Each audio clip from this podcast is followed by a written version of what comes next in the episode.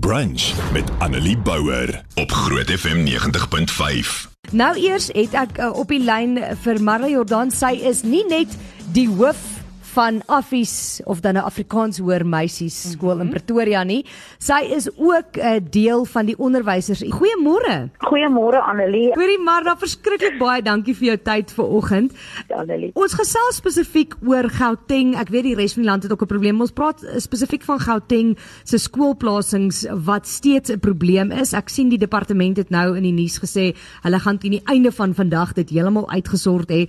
Maar moes hierdie goed nou nie al voor die skole begin het uitgesorteer gewees het nie?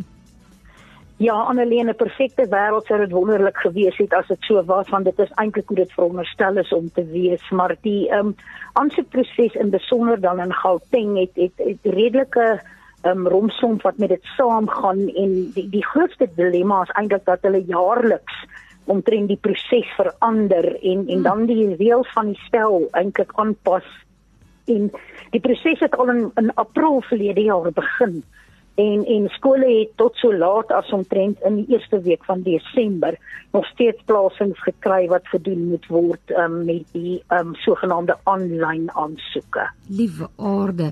Nou Marna, wat dink jy is die die grootste rede vir skoolplasings wat 'n probleem is behalwe die stelsel?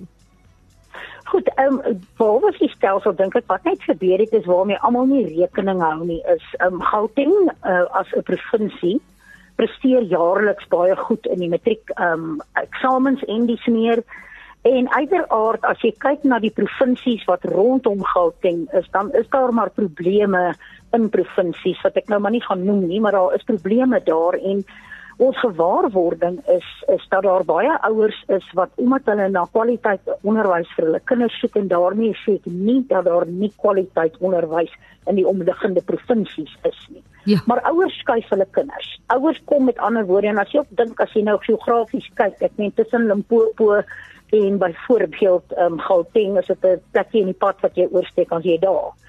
So ek dink dit het speel 'n groot rol en dan is daar 'n uh, 'n migrasie van mense dan ook na die stedelike gebiede toe. So wat die ekonomie maar ook verswak en soos die behoefte aan werk daar is, maak dit ook dat mense dan ehm um, jy weet rond beweeg. En plaas druk op Gauteng se stelsel want ten eerste moet hulle die leerders wat in Gauteng woon moet natuurlik gehelp wees en uit skole kom wat reeds in Gauteng is en dan het hulle hierdie invloed. En die invloed het ook 'n klompie nie-Suid-Afrikaanse burgers wat ook deel vorm daarvan. So eintlik is dit dis, dis eintlik maar die groot brandpunt en dan is die dilemma. Ehm um, mense stem met hulle voete en hulle gaan na die skole toe waar hulle prestasie kan sien en waar hulle sien daar's funksionerende stelsels in plek en dit maak dat daar ook 'n probleem is dan wanneer daar gekies moet word watter skool en dan miskien ten slotte vir die oomblik ehm um, is dit ook natuurlik die kwessie van die staat wat in gebreke bly om genoeg skole te bou. So kom ek vat 'n eenvoudige voorbeeld. As jy in Centurion kyk hier in in in ons provinsie, dan daar na die kant toe van Olifanhoutbos en al daardie voorstede daar daar is net nie genoeg nuwe skole wat daar gebou word nie. As jy in die ooste van Pretoria gaan kyk, dan ehm um, skiet behuising op soos sampioene amper wil ek sê. En ook daar bly hulle in gebreke om genoeg skole te te, te bou. En dit maak dit 'n groot toffie vir almal. Daar's ouers wat uh, beweer dat hulle vroegtydig aansoek gedoen het vir hulle kinders in graad 1 en graad 8. Ek weet spesifiek van 'n persoon in graad 8 wat uh, vroegtydig aanlyn aansoek gedoen het en nog steeds nie 'n skoolplasing gekry het nie. En dit is wat nie eintlik vir my sin maak nie. Ja, nee Annelie, ek hoor vir jou. Ehm um, kyk kom ek sê gou vir jou daar lê die die ding in 'n prosedurele situasie. Want wat gebeur is dit is nie net van jy doen aanlyn aansoek nie. Die departement kategoriseer die aansoeke.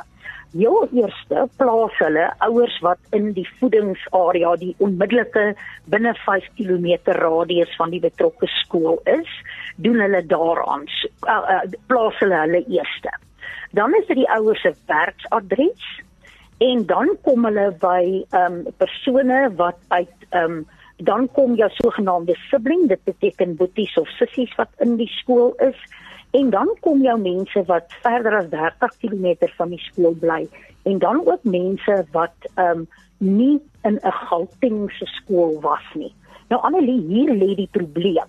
As iemand nou by 'n privaat skool ingeskryf was en nou besluit om na 'n staatsskool te oor te skuif, dan val daai mense se aansoek onmiddellik um, uit die eerste plasings. So ding daar, so dit is waar die ding vandaan kom. Nou, ehm um, hulle het um, in 2021 het die departement begin met wat hulle nou genoem het 'n fase 1 plasing en dan 'n fase 2 plasing.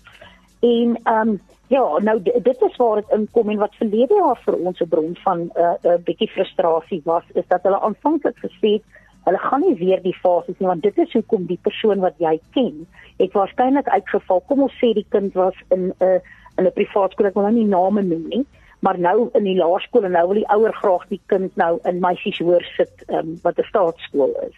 Dan kom daar die probleem na vore. Wow. So, dis die proses, dis die proses wat hulle gebruik wat ook regtig nie gebruikersvriendelik is nie en eintlik as ek dit vir jou moet opsom gaan ek vir jou sê wat hier gebeur is is hulle probeer 'n uh, 'n makro 'n uh, situasie met mikrobestuur doen. Die hmm. departement probeer die plasing van die kinders. Dit begin by die skool, maar die skool is net 'n instrument. Die die die die provinsie probeer eintlik klaar besluit wie moet soort van na watter kant toe gaan. En dit is waar die probleem inkom en dan wat gebeur is baie ouers doen dubbel aansoek. Want wanneer jy aansoek doen op 'n keuse op van maksimum 5 waartoe jy jou kind wil stuur, Nou met ek bang is skool A gaan my kind dalk nie vat nie, sit ek 5 op. Ja. Wat in in die praktyk dan tot gevolg het dat wanneer die aansoeke by die skole is, sit ek by my skool met 'n klomp aansoeke. Ek het 600 aansoek aansoeke, maar dalk is 200 van daardie 600 het by drie ander skole ook aansoek gedoen. So die prentjie lyk baie erger as wat die werklikheid is. So dit gaan daaroor dat die departement ons wil mikrobestuur. Ja. En uh, dit sal eintlik makliker wees as skole net die plasings kan doen dink ek. As as jy sê maar dan nie? Nee, ek dink as jy dit net as jy net kon sê, ek wil my kind na hierdie skool toe gaan kyk, doen aansoek by die skool self as hulle plek het of nie en doen dan aansoek by 'n ander skool. Ja.